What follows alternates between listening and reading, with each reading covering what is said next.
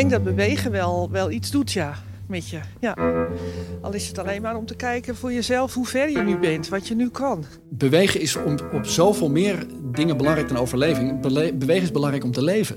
Ja, ik ben heel bang geweest, want ik, ik ken de slokdarmkanker alleen maar als een soort kanker waar je dood aan gaat. Maar waar die partner heel erg belangrijk bij is, is om mensen het gevoel te geven van oké, dit wordt ondersteund. Ik heb ook van het begin af aan gezegd, ik heb mensen nodig. Ik ga ze nu echt heel erg nodig hebben. En dat, dat hebben we ook. We hebben ook meteen een, eh, een appgroep gemaakt. Je valt een donker gat Ja. in, maar je weet niet eh, niks om je aan vast te houden of zo. Ik ga met je mee, ik ondersteun je hierbij, we doen het samen. Dit is Kanker krijg je niet alleen. Een podcast van het Antonie van Leeuwenhoek. Het in kanker gespecialiseerde ziekenhuis en onderzoeksinstituut. Mijn naam is Harmen van der Veen. In deze serie ga ik op bezoek bij mensen met kanker en ontmoet ik hun geliefde. En in deze aflevering gaan we bewegen. Want onderzoek laat zien dat veel bewegen helpt vermoeidheid en depressie tegen te gaan. En daarmee de kwaliteit van het leven verbetert. Het houdt de patiënt letterlijk op de been. Zo ook de 61-jarige Ada uit Uitgeest. Ada van Twijver.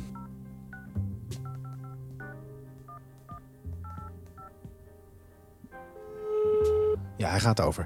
Ze is aan het wandelen met haar zoon. Dat is het, hier in het eh, parkje bij, eh, bij hun huis. Want bewegen is goed. Zeker als je herstellende bent van eh, kanker.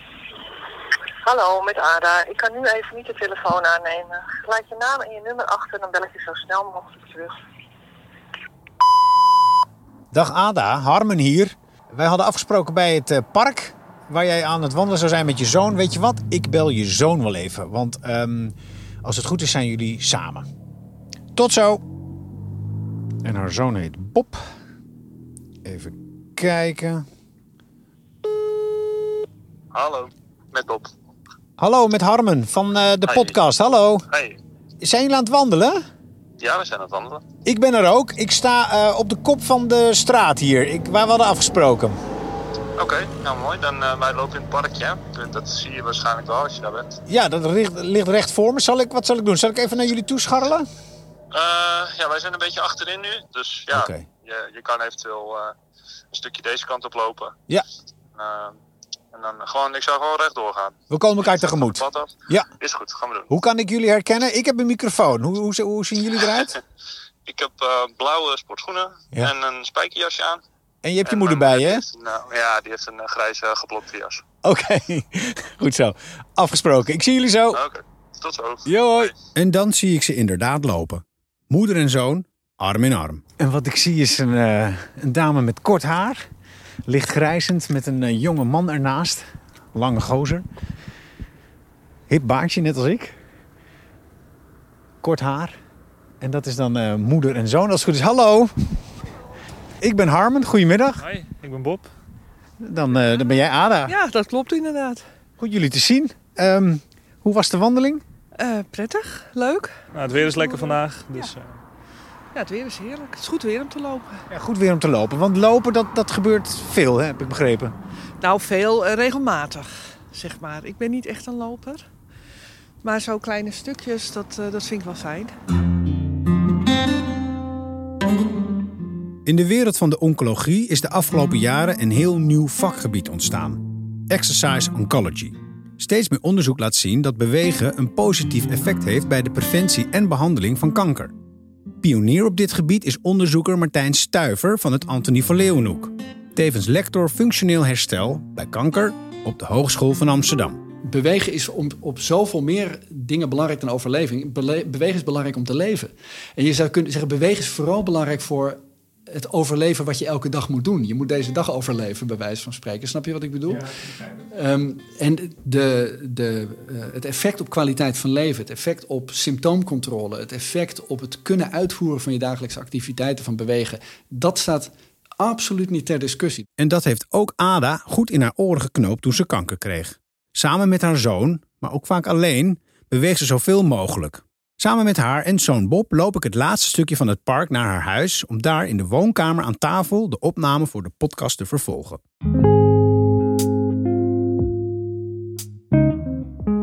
denk dat bewegen wel, wel iets doet, ja, met je. Ja. Al is het alleen maar om te kijken voor jezelf hoe ver je nu bent, wat je nu kan. Want toen ik eh, de behandeling kreeg en net geopereerd was, kon ik dus gewoon letterlijk niks. Echt niks. Ik vertelde toevallig van de week tegen iemand dat toen ik thuis kwam uit het ziekenhuis na de operatie, eh, ik letterlijk onder de douche gezet moest worden door de buurtzorgers. En eh, aangekleed daarna. En toen was het op voor zeker twee uur. Ik vond het heel bijzonder. We zijn in de tuin aangekomen.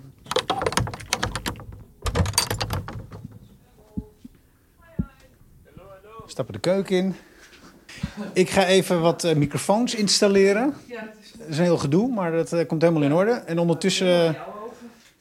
Ada woont in Uitgeest. Haar zoon Bob woont om de hoek. Hij zit, net als Ada, in het onderwijs.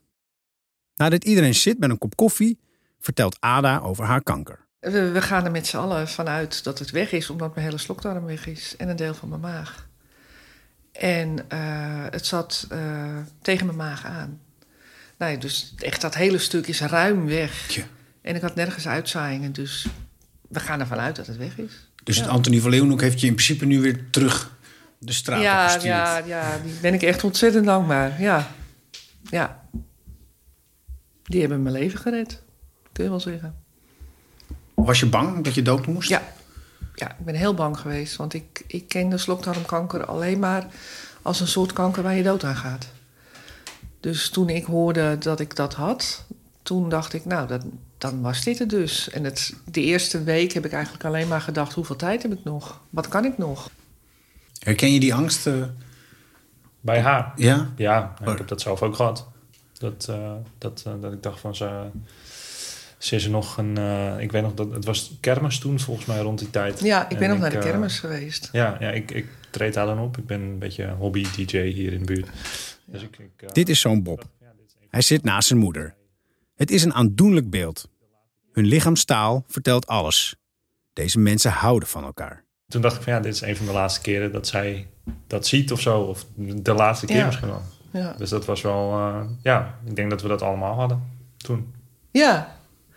Dat was, was heel dubbel, was heel raar. Ja, ik denk dat dat ook achteraf gezien een van de zwaarste periodes was. Eh, en het niet weten. En, Ja, eh, onzekerheid is het allerergste wat, wat er is, vind door ik. het hele proces was dat wel een terugkerend thema. Maar eh, van tevoren dat je niet... Ja. Je weet dat je kanker hebt, maar je weet niet hoe eh, kwaadaardig het is en waar het nog meer zit. En eh, Ja. je, je krijgt alleen te horen 90% zeker dat je kanker hebt. En dat maakt je... Je, hebt geen, eh, je, je kan je nergens op instellen. Je, je, je valt een donker gat Ja. in, maar je weet niet... eh, niks om je aan vast te houden of zo. En die onzekerheid was zwaar, mentaal. En daar komt ook nog bij dat de ziekte en de operatie zijn lichamelijke tol eist. En het mooie van veel bewegen is dat het op beide een positief effect heeft. Martijn Stuiver nogmaals. Eh, mensen die kanker krijgen en die, die voor kanker behandeld worden, die hebben natuurlijk allerlei lichamelijke klachten. Dus die hebben eh, misschien pijnklachten, die hebben, eh, zijn vermoeid, zijn minder fit geworden door de ingreep die ze hebben gehad als ze geopereerd zijn of door de chemotherapie die ze hebben gehad. Ehm, en die chemotherapie beschadigt ook allerlei ja, onderdelen van ons lichaam die te maken hebben met inspanning. Nou, een heleboel redenen eigenlijk om te denken: ik ga op mijn bed liggen en het uitzieken en wachten tot het voorbij is. Maar ehm, het gekke is dat al die symptomen waar mensen last van hebben, die heel erg bij kanker horen, hè, zoals eh, bijvoorbeeld vermoeidheid als een van de belangrijkste eh, problemen, daarvan weten we juist dat die opknappen door meer te gaan bewegen. Terwijl de neiging natuurlijk is, de natuurlijke neiging om minder te gaan bewegen. En daarvan weten we juist dat het het probleem niet alleen verergert, maar ook in stand houdt. Het lijkt een paradox. Veel bewegen en juist niet vermoeid raken. In de sport hebben ze zo'n uitspraak: use it or lose it. Dat is erop gebaseerd dat je lichaam eigenlijk van nature heel energiezuinig is ingesteld. Dus als je spieren niet gebruikt, dan gaat je lichaam ze ook niet onderhouden. Dus dan breek je ze af. Ehm, op het moment dat je nou behandeld wordt voor kanker, dan zijn er allerlei eh, dingen die met die behandeling te maken hebben. De reactie op een operatie, de relatieve bedrust rondom een operatie, eh, beschadiging van hart- en bloedvaten door bepaalde type chemotherapie, noem maar op. Dat soort dingen, die tasten eigenlijk je inspanningsvermogen aan. Daardoor word je minder fit. En daarbij ben je ook moe. Als je dan gaat uitrusten en je blijft uitrusten en je doet eigenlijk weinig, dan is er geen enkele prikkel eigenlijk aan je lichaam om weer te herstellen en weer fitter te worden. En dan verlies je dat. En dan, dan, ja, dan blijft die vermoeidheid ook, want dan gaan dagelijkse activiteiten kosten on, nou ja, we zeggen dat, onevenredig veel energie. Hè? En hoe ziek je je ook voelt, hoe moe je ook bent, ook je zieke, vermoeide lijf heeft prikkels nodig. Alles wat in het lichaam bijdraagt aan de lichamelijke vermoeidheid die je ervaart, die processen die worden verbeterd door te gaan bewegen, als je dat op het juiste niveau doet. En een tweede belangrijk aspect erbij is dat we weten dat mensen die meer bewegen, die hebben gewoon minder stemmingsklachten. Dus angst, uh, sombere gevoelens, die worden minder door te gaan bewegen. En angst en sombere gevoelens kosten ook ongelooflijk veel energie. Maar het is wel erg fijn als je je zo moe voelt dat er een geliefde is die je in beweging helpt te komen. En gelukkig, Ada heeft Bob. Ik heb ook van het begin af aan gezegd, ik heb mensen nodig. Ik ga ze nu echt heel erg nodig hebben. En dat, dat hebben we ook. We hebben ook meteen een, uh, een appgroep gemaakt met iedereen die ik daarin wilde. Hoe heette die appgroep? Dat weet ik niet meer. Oh, zullen we eens kijken of Heb die nog je hem nog? bestaat? Ja, even ik- kijken.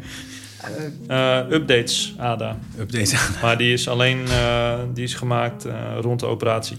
Oké. Ja, Dus, maar eh, ik had ook nog een andere. Maar, dat maakt Maar je schakelde dus je omgeving in, je Ja. geliefde. Ik heb meteen gezegd, dit doen. kan ik niet alleen. Dit, hier, heb ik, hier heb ik mensen bij nodig. En eh, ja, jullie moeten me helpen. Want kanker krijg je niet alleen. Nee, ik denk het niet. Ik denk niet dat je dat... Dat, dat lijkt me heel zwaar om dat in je eentje te doen. Want Bob, had het impact op jouw leven? Ja, zeker. Op welke manier? Ehm, nou, ik, ik heb zelf, ehm, ja, hoe zeg ik dat? Een, een lichte vorm van hypochondrie misschien wel. dus ik was rond die tijd zelf ook, eh, ik, ik had meteen zelf het idee van, oh, gaat het dan wel goed met mij? En eh, wat voor keuzes heb ik dan gemaakt? En eh, ga ik ook die kant op? Of kan dit mij overkomen? Of, of nou, dat soort vragen. Dus in die zin was ik er zelf mee bezig. En verder, ja, mijn moeder is toch mijn, mijn vangnet. Zeg maar, en degene bij wie ik altijd terecht kan voor adviezen of, of raad. En ja, er- er overheerste bij mij wel heel erg een gevoel van... Yo, ik ben helemaal nog niet klaar met jou. Eh, ik, ik, ik heb je nog een jaar of, eh, of dertig sowieso nodig... voordat ik eh, het idee heb dat ik verder kan. Dus ja, dat, je bent gewoon heel bang om, om iemand kwijt te raken. Maar tegelijkertijd ben jij ook degene die eerste lijn zorg is. Dus je probeer, ik probeer hem ook heel erg sterk te houden voor haar. Dus je- ik had wel het idee dat ik ehm, af en toe was ik heel verdrietig of zo, maar dan, dan ga je toch even door of zo. Dus dat, dat maakt het emotioneel ook wel zwaar, omdat je de schouders eronder wil zetten, maar jezelf even op de tweede plaats zet, zeg maar. En juist als de ziekte zorgt voor onzekerheid en verdriet... en geliefden soms evenveel lijken te lijden als de patiënt...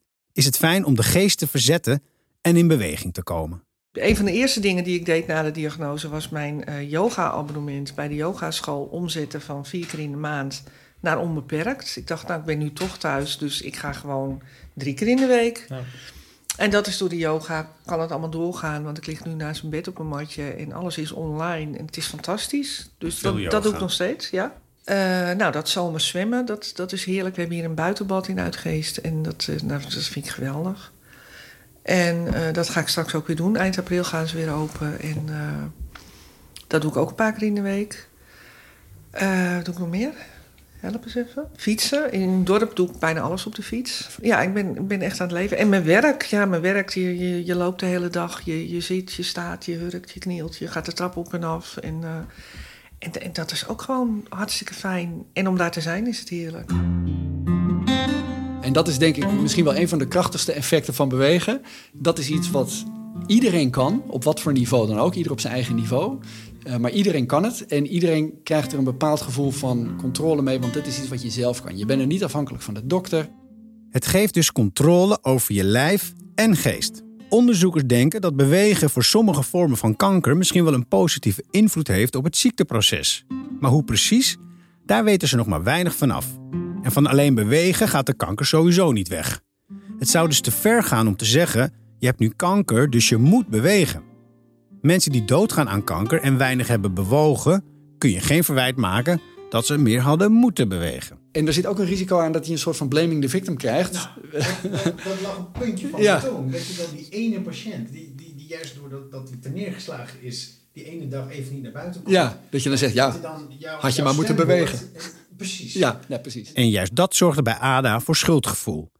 Omdat zij er nog wel is en anderen niet. Sportiever, fitter, jonger. Ik heb een lotgenoot gehad, die eh, heb ik een half jaar mee, mee mogen lopen, zeg maar. Hij liep een half jaar op mij vooruit. En eh, hij ging hartstikke goed. Hij was heel sportief en heel, eh, ja, hoe zeg je dat? Ehm, Positief. enthousiast. En ik heb heel veel steun aan hem gehad. En, eh, en opeens was hij er niet meer. En dat, dat, nou, toen kregen we met z'n allen wel een enorme dauw. Echt die jongens ook. Van, hè? Dit kan, dit kan echt niet. Dat, dat, dat, ik toen belde, ik belde jullie meteen Ja. toen ik het hoorde.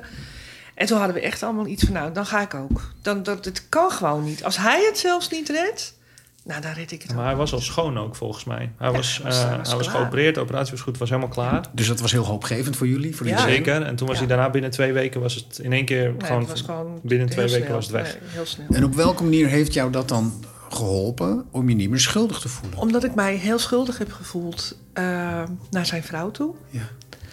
En eh, ik had haar een kaart gestuurd. Ik ben naar zijn uitvaart geweest en ik had haar een kaart gestuurd daarna. En ik kreeg daar geen antwoord op en dat kan. En dat was ook niet erg. Nee, ik vond dat ook niet erg. Want ik begrijp wel dat... dat ja, ze hadden wel wat anders aan haar hoofd. Ik bedoel, dat... eh, en een paar maanden geleden kwam ik er bij toeval tegen in de supermarkt. En toen was ze heel enthousiast van... Hé, hey, hoi, en hoe is het met je? En... eh, Was jij bang? Dacht je, ja, ik had eerst iets van ik laat het van haar afhangen of zij met mij wil praten. Want ik kan me heel goed voorstellen dat zij iets heeft wat ik wel eens voel van zij wel en hij niet. want jij was letterlijk dat. het levende bewijs ja, dat, ja. Je, dat je kan genezen en door kan. Oh. Ja, dat was best wel... eh, Maar goed, zij vroeg hoe gaat het met je? En ik zei van nou, zullen we even buiten praten? Wil je dat? Ja, zegt ze, dat is goed. Nou, toen hebben we een kwartier staan praten en, en ook, ook staan huilen even. En, Maar zij heeft al drie keer gezegd, ik ben zo blij dat het goed met je gaat. Nou, en toen, eigenlijk dankzij haar, had ik iets van... oké, ik moet het ook loslaten. Het is goed. Ja. En het is goed. Gelukkig. Het is goed met Ada, met Bob en met de behandeling.